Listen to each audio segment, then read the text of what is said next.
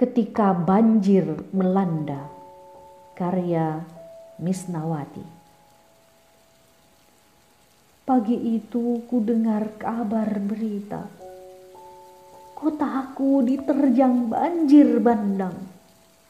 Tiba-tiba air meluapkan kemarahannya. Gemuruh air berkecamuk meninggalkan duka. Air terus membumbung tinggi membawa ranting-ranting kayu hanyut berserakan, mengempaskan apa saja yang dilewatinya. Seakan ia tak peduli, terus membinasakan. Rumah-rumah roboh tenggelam. Kampung menjadi tanah rata.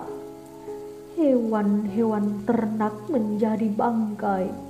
Kebun sawah, ladang rusak porak-poranda. Hari itu sungguh mencekam, mendebarkan. Lolongan pilu menyayat hati. Orang tua kehilangan anak-anaknya.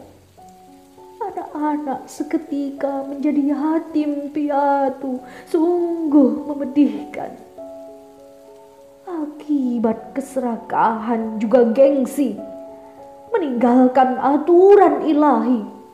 Aturan syariat dianggap basi, tak takut hukuman menimpa diri.